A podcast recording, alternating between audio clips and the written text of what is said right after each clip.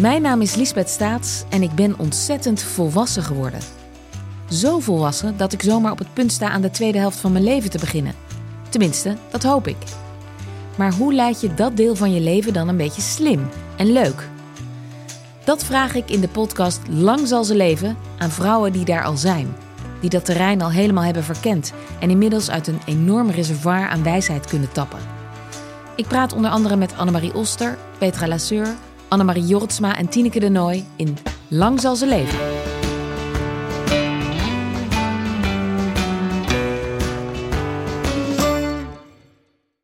In Help, ik heb een puber, de podcast, ga ik Klun samen met columniste, schrijver en pubermoeder Ivanka van der Zwaan in gesprek over puberproblemen. Slaap, alcohol, sociale media, seks.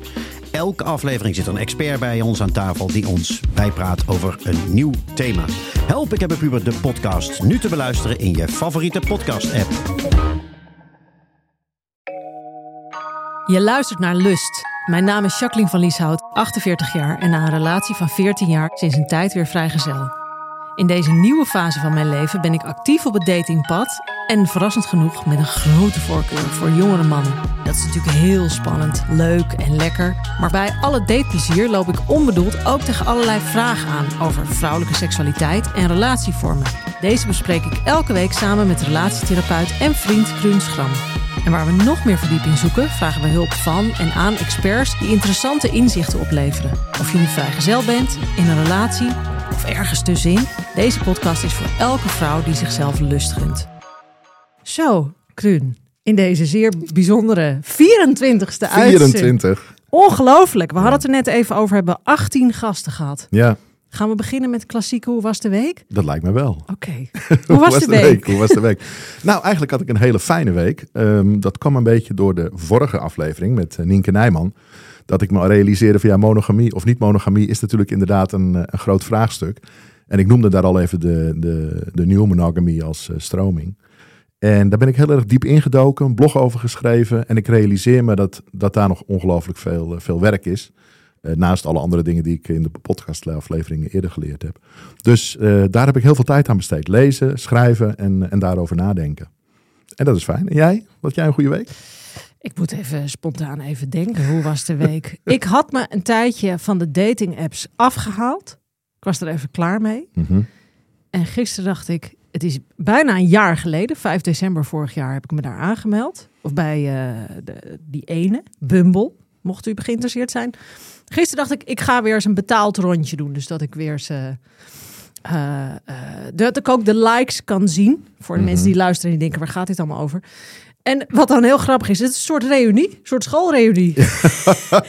Want al die types, hey, ben jij er ook nog? Ben jij er ook nog? En dan ga je Oh, elkaar ja? weer, ja, en dan ga je elkaar weer liken. Ja, en ik dacht, ik ga weer eens beginnen. En toen dacht ik, ja, maar zit ik er nu dan weer om weer met de oude lading te praten, weet je wel? Ja, plus die hebben intussen heel veel over jou geleerd. Want heel veel zullen de podcastserie geluisterd hebben. Ja, of juist niet. Dat vraag ik me dan af. Oké. Het is wel interessant, goed dat je dat nog even noemt. Sommigen zijn heel geïntimideerd erdoor. Die zijn Mhm. dan acuut bang, maar dan ga je over me praten. En dan denk ik, nou, eh, don't flatter yourself meteen. Maar ook daar, eh, daarbuiten zal ik dat altijd overleggen voordat ik dat doe. Mhm. Maar, en dan altijd anoniem, dat weet jij ook. Eh, of sommigen vinden het of heel intimiderend of heel interessant. Ja. ja, kan me voorstellen. Als het natuurlijk een beetje hier glorieus tevoorschijn komen in de podcast, dan is het een brevet van vermogen. Ja, maar seks is natuurlijk toch als vrouw om daarover te praten. Ja. Nog altijd van ja. Ik weet dat een van mijn dates ook wel eens tegen mij heeft gezegd. Ja, maar hier ga je dus bekend om staan. Echt waar? En zo van moet je dat nou willen? Seksualiteit van help alsjeblieft. Ja, maar ik denk juist als je kijkt waar we nu zijn met de podcast. Als je ziet wat, daar, eh, wat het teweeg heeft gebracht. Dan Ja. denk ik dat je ongelooflijk belangrijk werk hebt gedaan. En juist hierover praten. Eh, en zeker als mannen zo reageren, denk ik, nou ga vooral door. Praat er nog veel meer over. Ja, maar dat ja, dat dat ik snap die lange termijnstrekking, maar er is dan toch iets in mij. Is dat dan zo'n soort pleasend meisje die dan denkt: ga je "Oh, weer." ja. Nog steeds. Ja. Ja, nou ja, goed. Ik bedoel, goed dat je het herkent. En, en ik hoop dat je het ook meteen het zwijgen oplegt in je hoofd. Want daar is echt geen plek meer voor. Nee. Praat erover. Nee, en dat ik mezelf ook verdedig. Want als ik dan terugdenk aan alle afleveringen, hè, toen wij begonnen, eh, toen ging het heel erg over zoveel mogelijk smaken uit de ijswinkel proeven. Ja. al die kerels en, en soms twee dates in een week. Nou, ik zou er nu echt niet aan moeten denken. Nee, twee in een nee. week, vreselijk. Ook vanwege kwaliteitsnormen. die wel wat veranderd zijn. Dat is wel interessant om het daarover te hebben. Maar dat ik denk, ja, weet je, die frequentie, dat, daar moet ik echt niet meer aan denken. Nee, nee, maar in het begin denk ik dat het heerlijk is om het te... Ik weet nog dat je heel veel zelfvertrouwen hebt. Je had echt zoiets van, godsamme, dat dit toch allemaal op mijn pad komt. Ja, En zo gezien zijn en gewaardeerd zijn en geliefd zijn en gewild worden. Hè, in het begin ging je daar ontzettend van aan. ja. Maar je hebt in de loop van de tijd ook, heb je wel eens verteld, natuurlijk heel veel berichten gehad dat je dacht van ja, hoe komt deze man erop? Of waar haalt hij dit vandaan? Om meteen zo direct of zo. eh. Bijvoorbeeld, ja. Of van ik ga jou wel even een lesje leren. Of eh, kom nou maar eens een keer bij deze meneer die, eh, die wel weet hoe je het als 50-plus man weet jou kan, kan Ja, aanpakken. of vorige week nog een, een jonge twintiger die dan stuurt, ga jij het me leren? Nou, daar werd ik dan ook bijna onpasselijk van. Gewoon, Ik denk, ja, we gaan geen schooltje spelen, schat. Dan moet je kijken wat je dus allemaal los hebt gemaakt. En dat vind ik wel. Ik bedoel, er staat een kathedraal. 24 afleveringen straks na deze. En dat heb jij toch maar weer mooi gedaan. Ik vind dat, eh, En dat jij fantastisch. Ja, nou, Wij met z'n We tweeën. hebben het samen gedaan. Maar ik vind dat de moed die jij hebt gehad om hier echt je persoonlijke verhaal zo, eh, zo van te maken. En ik bedoel, ik denk dat een aantal luisteraars zich heel goed herinneren de momenten dat je emotioneel werd. ja. Dat je echt geraakt was met een gast. Dus ik denk eh, dat we daar met heel veel trots op terug mogen kijken. ja. Maar als ik het jou vraag, welke is het meest bijgebleven? Of welke zeg je van, van nou, dat is er eentje die tot op de dag van vandaag doorwerkt?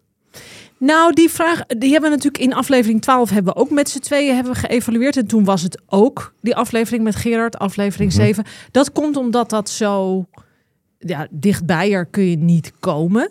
Maar ik heb een lijstje voor mijn neus met alle gasten. Daar is eigenlijk uit iedere uitzending wel wat te halen. Absoluut. Ik vond Ninoek's verhaal over vreemdgaan heel erg een eye-opener. Rick eh, van Lunsen met, met wijsheden waar we natuurlijk allemaal geen weet van hadden. Eh, Erik van Nieuwburg met ook een hele open blik naar seksualiteit. Sandrijn ken ik natuurlijk. Anne, dat voelt al als heel lang geleden, Ja, datingcoach. ja, Eh, Ralf, natuurlijk ook dat leefstijl zo belangrijk is voor seksualiteit. Ja, er is zoveel gebeurd, Mhm. toch? Zijn er dingen die jou heel erg specifiek bijblijven? Ehm, nou ja, kijk, ik heb een aantal keer natuurlijk ook gezegd van eh, de mannelijke seksualiteit is een ingewikkeld ding. We hebben natuurlijk heel erg gekeken naar jouw proces. En keer op keer zat ik mezelf te betrappen op de gedachte van, hm, maar die man dan? Of hm, weten mannen dit? Hm, hoe kijken mannen hiernaar? Omdat ik me realiseerde dat, dat daar nog ongelooflijk veel ontwikkelingswerk eh, te doen is. Ehm, dus als je mij vraagt, welke zijn je bijgebleven? Rick van Lunzen, simpelweg. Hè? Als je leuke seks wil hebben op hogere leeftijd, moet je de seks steeds leuker maken. Nou, toen dacht ik meteen van oké, en daar kunnen mannen bijvoorbeeld heel veel in doen. Erik van Nieuwburg resoneerde enorm bij mij. Eh Ninoek, ook natuurlijk wat je noemt. eh, ook omdat ik merk dat dat heel veel mensen in beweging heeft gezet. Ik krijg Ja. heel veel aanvragen van, eh, van met name vrouwen die zeggen... ja, dat verhaal is voor mij zo herkenbaar. En ik durf het thuis niet uit te spreken, niet eh, kenbaar te maken. Ehm, dus eh, ja, Cyril Jansen vond ik heel interessant Ja. over Snarch. Ehm, en ja, Gerard Dorrepaal, de eilanden. Ik denk dat ik eh, elke week wel één of twee keer over de twee eilanden praat... waarop beide partners van een afstandje naar elkaar mogen Ja, kijken. het eiland. En het grappige is maken. dat als ik daaraan terugdenk, was het uiteindelijk mijn verzinsel met het eiland. en vorige week sprak ik Gerard en die zegt nu ook, nou hadden we het ergens over, zei hij, nee, ik moet nu op mijn eiland blijven. Ik zei, je pikt mijn metafoor, eh, Gerard. Ja, nee, heel interessant. Als ik ook terugdenk aan, ik, is het onze eerste of onze tweede uitzending, maar toen vroeg jij mij, of ik zei tegen jou, ik leer zoveel op andere gebieden. En toen zei je, wat dan nog meer? En toen zei ik, ik leer eigenlijk voor het eerst in 48 jaar, wat wil ik eigenlijk? En dat Mhm. kon ik niet zonder emotie uitspreken. Ja, En dat is echt in, wanneer zijn we begonnen met opnemen? Maart, april? Dat is in al die maanden heel erg veranderd. Dat ik denk, ja, ik sta nu heel duidelijk voor wat ik wil en wat ik geil vind en wat ik goed vind. En ja, ja, dat ik daar niet meer bang voor ben. Maar Ja. dan denk ik, oh, wat zijn er veel vrouwen. En ik ben benieuwd of jij dat in je praktijk ook tegenkomt, die dat toch gênant of moeilijk vinden om echt uit te spreken wat ze echt willen. Sandrijn zei het trouwens ook, voordat je de vraag beantwoordt. Heel veel vrouwen weten het niet Nee. eens. Als ze wordt gevraagd, wat wil jij eigenlijk? Absoluut, absoluut. Ja, daar zit natuurlijk schaamte op, daar zitten stemmetjes zitten daarbij. En het lastige is, hè, dat realiseerde ik me heel erg door, door eh, terug te denken over de uitzendingen, dat mannen dat eigenlijk ook heel slecht weten. Hè? En dat, Echt? ja, nou ja, dat Want is. wij denken dat ze dat wel weten. Ja, hè, maar wat ik natuurlijk wel eerder heb ge- heb gezegd van hè, mannen leren zichzelf aan om onder de dekens in drie minuten een eindsprint te trekken naar een streep waar ze overheen moeten. En dat is wat ik me nu zo sterk realiseer, is dat hè, als we kinderen opvoeden, we doen ze dingen voor, we maken puzzeltjes met ze, we sturen ze bij als ze iets doen wat we anders willen. We zeggen peuter niet in je neus. Dus we zijn heel erg betrokken bij de opvoeding van onze kinderen. Alleen de seksuele opvoeding, daar doen we helemaal niets aan. Behalve dat we negatieve boodschappen daarover uitzenden. Dus daar denk ik dat ongelooflijk veel werk te doen is. En daar wil ik ook heel erg naar gaan kijken in de toekomst. Van hoe kunnen we nou toch zorgen dat we die hele opvoeding van meisjes hè, met de boodschappen zoals jij ze kent, met jongens die denken dat ze het wiel uitgevonden hebben, maar geen idee hebben.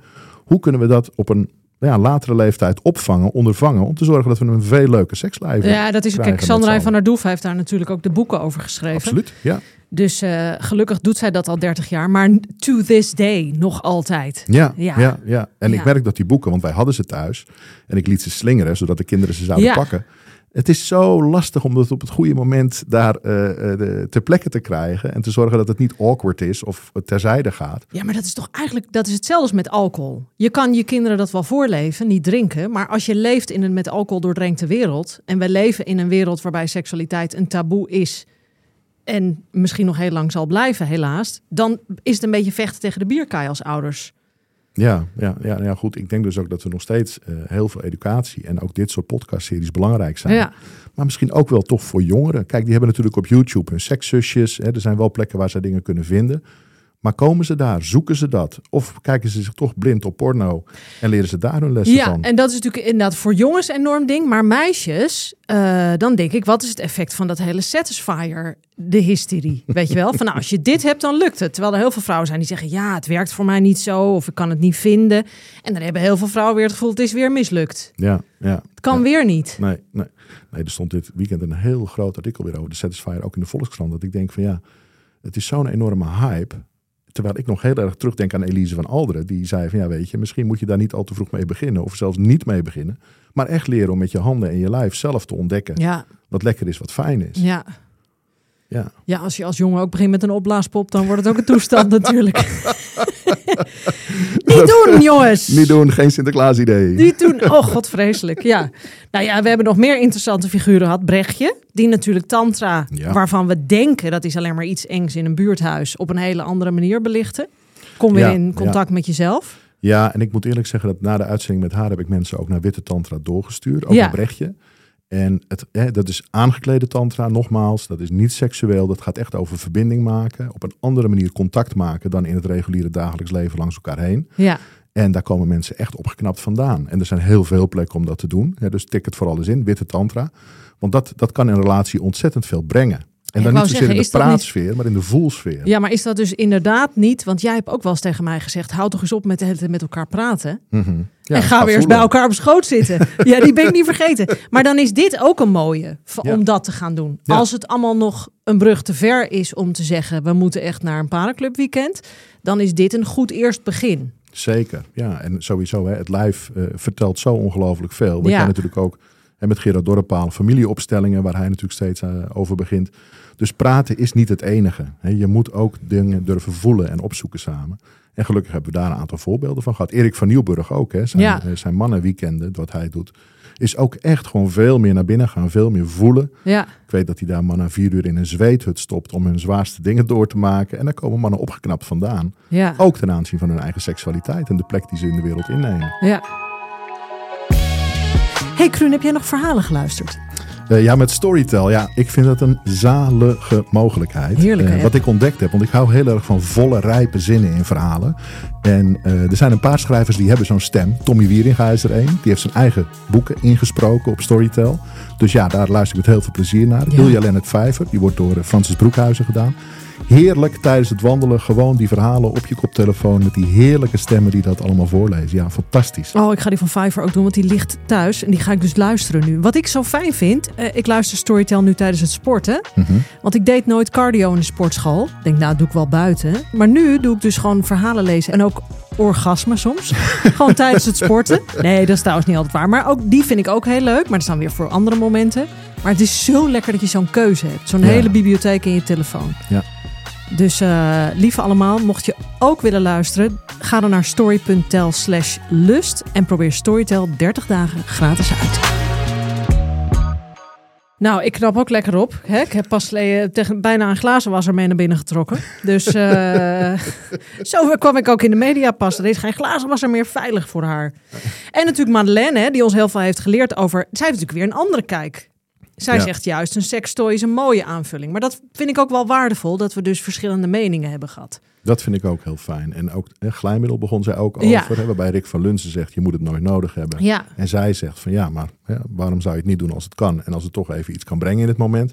Vind ik allemaal mooie nuances. Dat vind Ja. ik ook fijn dat we dat steeds van beide kanten hebben kunnen belichten. ja, en dat mensen het horen en denken, wat voelt voor mij oké? En dat je daar dus je eigen waarheid eh, uit kan halen. Over porno is trouwens wel eh, eh, interessant. Dat ik pas geleden iemand met wie ik in gesprek ben, die zei tegen mij... Ja, ik, altijd als ik het zelf doe, kijk ik porno. Altijd. En die vroeg aan mij, doe jij dat niet dan? Hoezo kijk je? Ik zeg, nou, ik kijk het nooit meer. Vroeger wel, veel. Mhm. Nee, ik zeg, ik sta zo aan. Ik heb zoveel fantasie dat ik het dus nooit het gevoel heb, ik moet dat aanzetten. Ja, wauw. Ja. Ja, Ja, vind je dat wauw, echt? Nou ja, weet je, ik kijk zelf niet zo heel vaak porno. Mijn kinderen luisteren mee. Ehm, het aanbod is zo ongelooflijk breed en gevarieerd. Ja, Eh, er is zo ongelooflijk veel wat veel implicieter is dan dat het altijd is in onze gedachten. Dat ik denk van ja, weet je, waarom zou je het niet af en toe kijken? Maar ik vind het schitterend als jij zegt van mijn fantasie doet op dit moment alles. En misschien ook het terugkijken naar momenten die je beleefd hebt. ja. Maar het mag ook weer, het mag er allemaal zijn. Nee, ik vind het ook. Ik wil het ook helemaal niet afkeuren. Maar het is. Het, ik merk wel als je dan denkt. Oh, er gebeurt iets in je lijf. Oh, oh, ik heb zin om het even te doen. Ik heb zin om het even te doen. Gaan vier uur middags. Dat er dan wel een soort automatisme in mijn hoofd gaat. Zal ik even wat opzetten? Mhm. En dan denk ik, nee, dat ga ik niet doen. Ik ga gewoon, à la Marleen Jansen, ga ik rustig, hè? En dan is het eigenlijk veel bevredigender. Uiteindelijk het orgasme ook. Ja.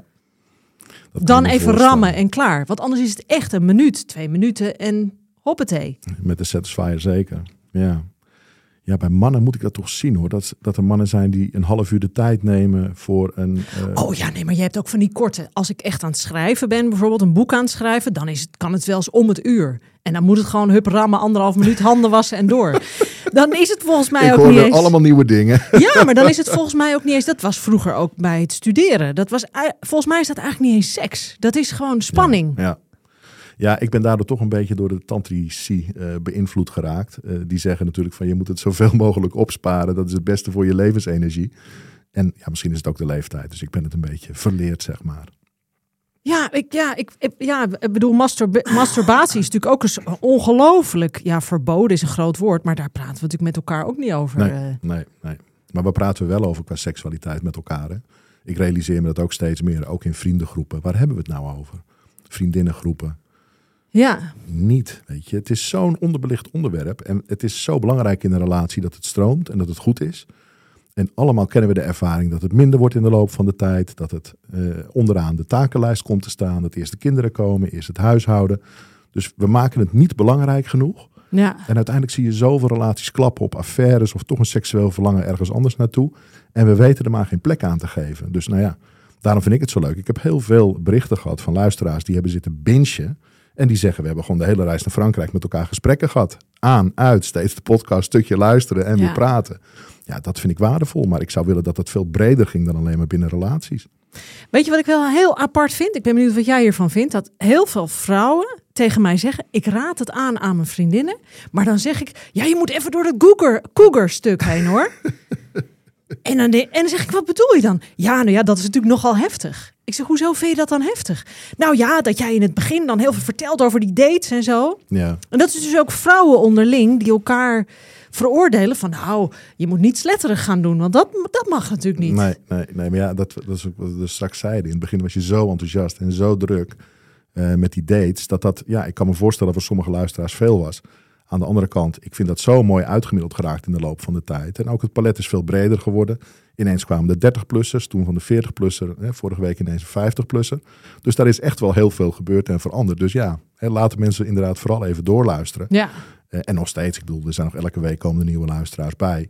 Ja, ik denk dat er voor iedereen wat, eh, wat te vinden is in de, in de serie. ja. Ja. Ja, ik ben nu weer terug naar de jonge dertigers.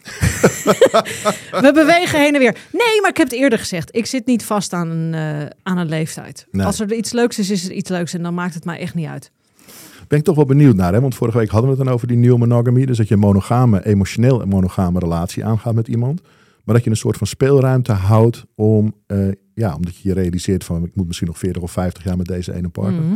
Dat je iets van lossere regels hanteert op dat vlak. Hoe sta jij daar nu in? Nou, dat is een hele goede vraag. Want voor mij valt of staat het nu, zoals ik er vandaag in sta, met eh, als ik verliefd zou worden, Mhm. vermoed ik, of denk ik zeker te weten, dat ik zeg: iedereen gaat aan de kant. Mhm. Want dat hoort voor mijn gevoel ook een beetje bij zo'n eerste fase. Je Ja. wil dan natuurlijk alleen maar met elkaar. Ja, Rick van Lunsen zou zeggen, de hormonen doen hun werk. hè, Ja, daar. precies. Dus je wil dan heel erg met elkaar verbinden.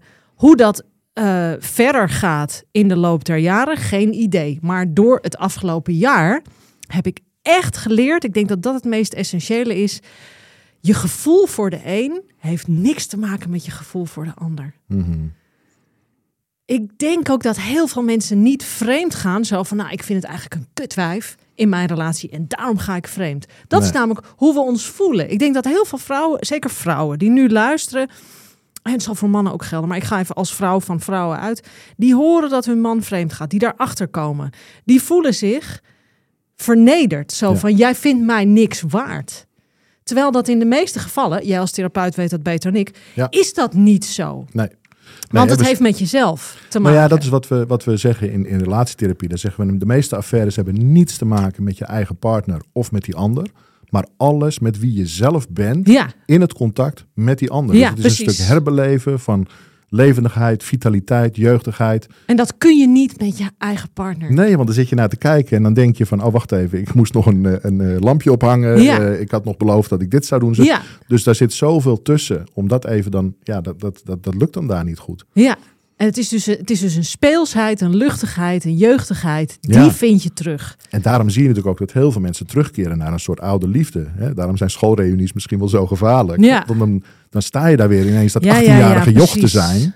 En dan zie je die, die, die, hè, die, dat meisje uit je klas, wat intussen een mooie vrouw geworden is. Dan voel je, je voelt je weer even die middelbare scholier. Ja. Alles bruist weer, alles is daar weer. Ja. Ja. daar is als partner niet tegen aan te concurreren. Ja. Dus ja, het is wel fijn als we daar met z'n allen taal voor zouden vinden. En gesprekken voor zouden kunnen hebben. Dat dat niet al die gezinnen overhoofd hoeft te trekken. Nee, vreselijk. Ja, Ja, vreselijk. Ja, en ik, wat ik ook wel heel erg geleerd heb, dit moet ik echt even de woorden voor zoeken. Ninoek heeft dat heel erg aangezet. En Gerard ook wel in min of meerdere mate. Ehm, de mensen vragen mij vaak, heb je een type? Nou, heb ik de neiging om op kakker hockeyjongetjes eh, te vallen. Dus een beetje uit de Gooise contraien en zo. En bij mij uit Bloemendaal ook. Dat vind ik, dat vind ik altijd heel knap, lekker. Zo Ralph Laurenig. Anyway, maar er is er nog één. En dat is mannen die lijken op een jeugdversie van mijn vader. Oh ja? Ja, en dat klinkt niet, dat is niet incestueus bedoeld, lieve luisteraar, maar het is, Vertrouwd. ja, het is, nee, het, het rode, Mhm. rood haar, ro, of rossig in ieder geval. Of je hebt rode broers of rode vaders, maar in ieder geval dat rossige zit erin. Die, die witte huid die daarbij hoort, die, die, die, die, die, eh, die sproetige, eh, vuur in die ogen. Ik kan er geen weerstand aan bieden. En, En er is, nee, ik kan daar geen weerstand aan bieden. En, en een van mijn minnaars die heeft dat. En er is nog een ander, die ken ik vanaf mijn zestiende. Daar heb ik toen mee gezoend. Eh, en ik zie hem nu nog wel eens. Pas geleden hebben we samen gesport. Ik, ik, en ik heb het ook tegen hem gezegd. Ik zeg, ik sta naast je. Ik, ik weet niet waar ik het zoeken moet. Nee, bijzonder. Ik, ja, gek hè? telefoonnummers uitgewisseld. Nou nee, die hadden we al. En, Oh. eh, maar ja, die man zit hartstikke leuk in een relatie. En, Ja. ehm, ja, maar mooi dat je dat kan voelen, bijzonder. En dat onderzoeken en aangaan. Ja, ik Ja. hou daarvan. Ja, maar dan, omdat dat natuurlijk ook met... Want ik wil dan ook seks met hem. Oké. Maar dan denk ik, ja, maar je wilt toch geen seks met je vader? Want dat is het niet. Nee. Het is, het is een, een soort aantrekkingskracht of zo. Waar ik...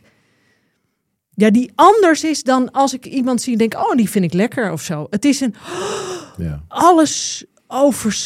Ja, Nee, maar kijk, dan, en dan zie je dat het echt voorbij seks gaat. Het gaat echt over Ja. verbinding, Ja. connectie, bij stukken van jezelf komen waar je, waar je wil rusten of je veilig wil voelen. En dat is dan denk ik wat je daar, dat je, wat daar zo sterk aantrekt in, die, in die persoon. ja. Mooi hoor. Ja, dus wat voor vragen blijven er over? Want je hebt grote stappen gemaakt. Oh, er blijven natuurlijk nog vele vragen over. Want de vragen die mij constant gesteld worden... Dat blijft dus interessant, hè? Mensen vragen, ja, maar wat wil je dan nu? Mhm. En dan vinden ze het niet fijn als ik zeg, ja, dat weet ik nog niet. Ik ben nog bezig. Het is toch wel de bedoeling dat ik een omlijnd plan heb. Echt waar? Ja, ook mannen die ik ontmoet, die zeggen, ja, maar wil je dan eh, gisteren vroeg iemand me dat nog. Wil je iets serieus of wil je een lekker hapje? Ik zeg, schat, daar zit een hele wereld tussen. Ja, ja. En er zijn dus ook nog steeds mensen die denken, ja, maar die wereld daartussen. Nee, het is of dat, of dat. Ik zeg en trouwens, als het alleen om een lekker hapje gaat, is het niet dat ik over vijf minuten zeg, kom maar langs. Want dat heb ik heel erg geleerd. Dat is ook meermaals benoemd. Ik heb echt connectie en verbinding nodig. Ik kan niet zeggen, oké, kom maar langs en we gaan neuken. Nee. Dat, is- dat, ja, dat, dat gaat gewoon. Ik kan me, en dat heb ik ook een beetje met seksfeestjes bijvoorbeeld. Mhm. Ik krijg nu ook steeds meer DM'tjes die zeggen: Oh, maar wij organiseren dit en het is heel chic en er zijn alleen maar mooie mensen en er zijn alleen maar dit. Maar dan gebeurt er iets dat ik denk dat dan zomaar iemand aan me gaat zitten of zo. Is dat onterecht? Ik, ja, ik, Nou ja, het moet je ding zijn. Kijk, die seksfeestjes die zijn er, die zijn er veel. En Ja. daar gaan heel veel mensen naartoe, omdat het, het vervult ook een behoefte. Maar niet de jouwe. En dat is waarom we natuurlijk allemaal zo verschillend zijn. Het heeft denk ik voor heel veel mensen een hoog snackgehalte, weet je. Zo'n Ja. zo'n zo'n zo'n zo'n gele M waar je even naartoe rijdt voor een snel hapje. ja, maar ja, dat is natuurlijk helemaal niet waarvoor jij doe mij eh, twee trio's zonder kaas. en een kartonnen rietje. Ja, Ja, wat gaan we daarmee doen? Nee, maar ik denk, het is, het is gewoon niet jouw ding. Maar je hebt natuurlijk, jij hebt ook afgelopen jaar dingen ontdekt die minder jouw ding zijn. En je hebt dingen geleerd waarvan je niet wist dat het iets voor je zou zijn, die je Ja. geweldig leuk hebt gevonden. ja. Dat is natuurlijk zo. Maar goed, seksfeestjes niet voor je. Niet voor je. Nee, en ik vind als het gaat om eh, BDSM, vind ik zowel de dominante rol als de submissieve rol leuk. Mhm. Maar is dus ook heel erg afhankelijk van wie. Ja, Want dat gaat. Dat vind ik ook zo interessant. Heel veel mensen denken, voor mijn gevoel, andersom over seks. Veel mannen zeggen: Wat is je favoriete standje? Dan ken je hem nog niet, heb hem nog nooit gezien. Wat is je favoriete standje? Ben je dominant? Ben je dit? Ben je dat? En dan zeg ik: Maar dat weet ik pas Nee, als ik je zie. ja, in de dynamiek Toch? ontstaat het. Ja, toch? Ja, zo is het zeker. Of is die volgorde gewoon voor iedereen verschillend? Ik denk dat we allemaal een voorkeur hebben. We weten globaal wel een beetje wat onze blueprint is. Hè, om dat woord ook maar een keer te laten vallen. Ehm, maar dan nog is het zo dat met de persoon ontstaat de dynamiek. En met de een kan dat totaal anders zijn dan met de ander. In de BDSM-wereld heb je de switch, die op het ene moment sub, op het andere moment dominant wil zijn, Ja. kan zijn. Ik denk dat ik ook een switch ben. Ja, nou dat zou zomaar kunnen. Ja. Ja, want ik heb natuurlijk ook een tijdje geappt met zo'n heerlijk submissief jongetje. En dat ging er toch wel wat aan, ja. Jammer, ik heb hem nooit gezien. Ik denk dat hij het heel eng vond. Ja, maar goed, kijk, in die wereld is zo verschrikkelijk veel te ontdekken, omdat het natuurlijk niet alleen gaat over dominant en submissief, maar bijvoorbeeld ook over van ja, wat heb je met vernedering, wat heb je met pijn, wat heb je met pijn toebrengen al dan Ja. niet. Hè, dat is zo'n veelkleurig palet.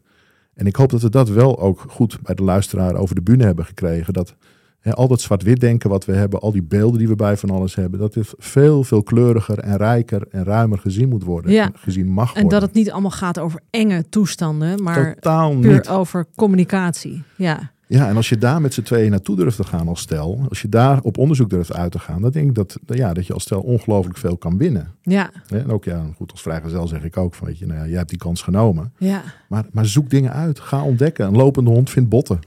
En lo- Die, die hebben we ook een paar keer gehoord. En deze lopende hond heeft trouwens ook een heel mooi groot bot gevonden. Dat is al een hele tijd geleden, maar dat moet ik toch nog even aanhalen. Over eh, dominant-submissief gesproken.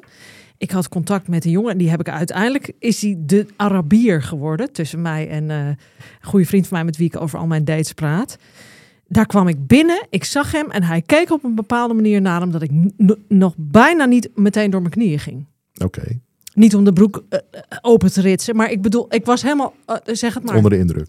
Zeg het maar. Hmm. Ik, en, en ik weet dat ik aan het eind van die, dit heb ik nog nooit verteld in een van de uitzendingen, dat ik in de laatste minuut van onze seks dat ik huilde. En hij schrok verschrikkelijk. Hij zei: Jeetje, en doe ik je pijn en dingen. Ik zeg: Ik, ik, ik ben helemaal in, in de kook. nou ja, kan, heb er niet eens woorden voor. Hij was totaal dominant, maar intrinsiek dominant. Oké, Hij speelde het niet. nee. Het, het was er. En toen je huilde, werd het toen veilig? Of... Eh, nee, ik, ik huilde omdat ik me zo veilig voelde. Wauw, ja. Dat was zo fantastisch. En dat is de enige man in mijn hele leven bij wie ik dat gevoeld heb. ja. Ik, dus spontaan denk ik, ik ga hem straks weer Nee, maar hier Oh, zie je ook dat seks, dat goed, dat ja. seks het ook ja, transcenderend is. Dat het, het, het kan je zoveel leren. Het kan je zoveel over je identiteit, je persoonlijkheid, je ervaringen, geschiedenis, trauma. Het kan je alles. langs alles leiden. Ja, En als je daar bewust op een goede manier instapt, ja, dan denk ik dat het voor, de, voor ons allemaal een fantastische weg is om te blijven gaan. En niet op een dag afscheid van te nemen. Want ik bedoel, jij bent intussen 49. Eh, nog niet. Oh nee, volgende week. Volgende Ja, maar- week. Nee, maar hoeveel vrouwen hebben niet afscheid genomen van hun seks? Die zijn Bizar. helemaal zat. Ja, maar ik heb, als ik terugdenk, en vind ik heel erg, heb ik in mijn relatie ook wel eens gedacht van, nou ja, het is oké als het zo blijft. Echt waar. Ja, dat kan ik me nu niks meer En wat zou je dan nu zeggen tegen al die vrouwen die luisteren, die dat, stuk, dat besluit misschien ook al een beetje genomen hebben? Ja, wat kun je daartegen zeggen? Eh, ga toch weer herontdekken. Ja, dat is heel, ja, een beetje, ja, ga met jezelf aan de Mhm. gang. En ga weer terugdenken, of Sanderijn of Rick heeft dat gezegd. Wat vond je toen leuk? Ja, Als tiener, als jonge twintiger. ja. Want Ja. dat heb je begraven ergens. Eigenlijk is het ook in aanvulling wat, wat jij net zei. Als kind spelen we. Nu ben jij de boef. Nu ben ik de inbreker. ja. Daar moet je eigenlijk weer naar terug. Ja, ja, ja. ja, ik heb afgelopen jaar best veel mensen eh, op bezoek gehad die ook naar aanleiding van de podcast gesprekken met hun partner op gang wilden brengen en dat moeilijk vonden. Ja, Mijn advies is vaak geweest: schrijf het eens op in een brief. Maak eens anderhalf A4 ja, waarin je liefdevol, geweldloos laat weten van weet je, er is een verlangen in mij. Ooit was het er, ooit hadden we het. Ik wil er naar terug. ja. Wat Nienke aanhaalde in een van de laatste, of dat was vorige week. Die zei, heel veel mensen willen wel openen in hun relatie. Maar zijn er communicatief niet toe in staat. Kunnen überhaupt al niet over de vaatwasser communiceren. Dus ga dit dan maar eens doen. Ja, nou ja, goed, dan ga je ervan uit dat het meteen over openen gaat. Kijk, ik zeg begin eerst eens een keer met in plaats van die 11 minuten, hè, wat het gemiddeld zo'n beetje Ja. schijnt te zijn. Ga eerst weer eens naar een uur. Ja, Hè, ga tijd maken. Ja. Ga een plek zoeken. Ga niet in de slaapkamer tussen de stapeltjes was en de boeken waar je aan, in aan het lezen bent. Maar zoek eens een andere plek. Neem er de tijd voor. Doe iets met belichting. Doe iets met de sfeer Anything, creëren. Muziek. En ga dan weer eens ontdekken wat het kan zijn. Ja. In plaats van dat je die routinematige schouderklop krijgt. En met z'n tweeën dan maar denkt van, oh ja, ja even piffen klaar. even klaar, het moet even gebeuren om te ontladen. Er is veel meer te halen. En ik hoop gewoon dat mensen daar eerst mee beginnen voordat je gaat praten over openen of mensen betrekken. Of Ja, veel wat. precies. Ja. We hebben een hele mooie reis gemaakt, denk ik. Bizar. Bizar. Ja. Naar vorige maand 102 en 63 luisteraars. 102.063 Ja, ja. luisteraars. Ja, dat hadden we niet verwacht. Maar kennelijk was er heel veel behoefte aan deze serie. Ja. En deze gesprekken. En ik bedoel de hoeveelheid berichten die we hebben gehad. Ja, Bizar. Ja. ik bedoel de hoeveelheid Dick volgers. pics. ja. Nou, die heb ik dan gelukkig niet Nee, gehad. ik zal ze allemaal naar je doorsturen. Nee, laat maar. Nee, maar Jacques, echt fantastisch. En, en, en een kathedraal gebouwd. En er gaat nog meer gebouwd worden natuurlijk. Want jij zit nog bordenvol ideeën. Ik zit bordenvol ideeën. Ik wil heel graag naar mannelijke seksualiteit kijken in een podcast. En naar new monogamy, wat ik een interessant thema vind. En jij hebt vast ook plannen. Heb jij een beetje een idee al waar je...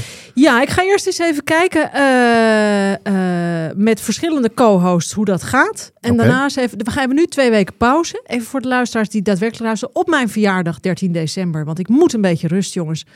Eh, en op 20 december en op 27 december zijn we er weer.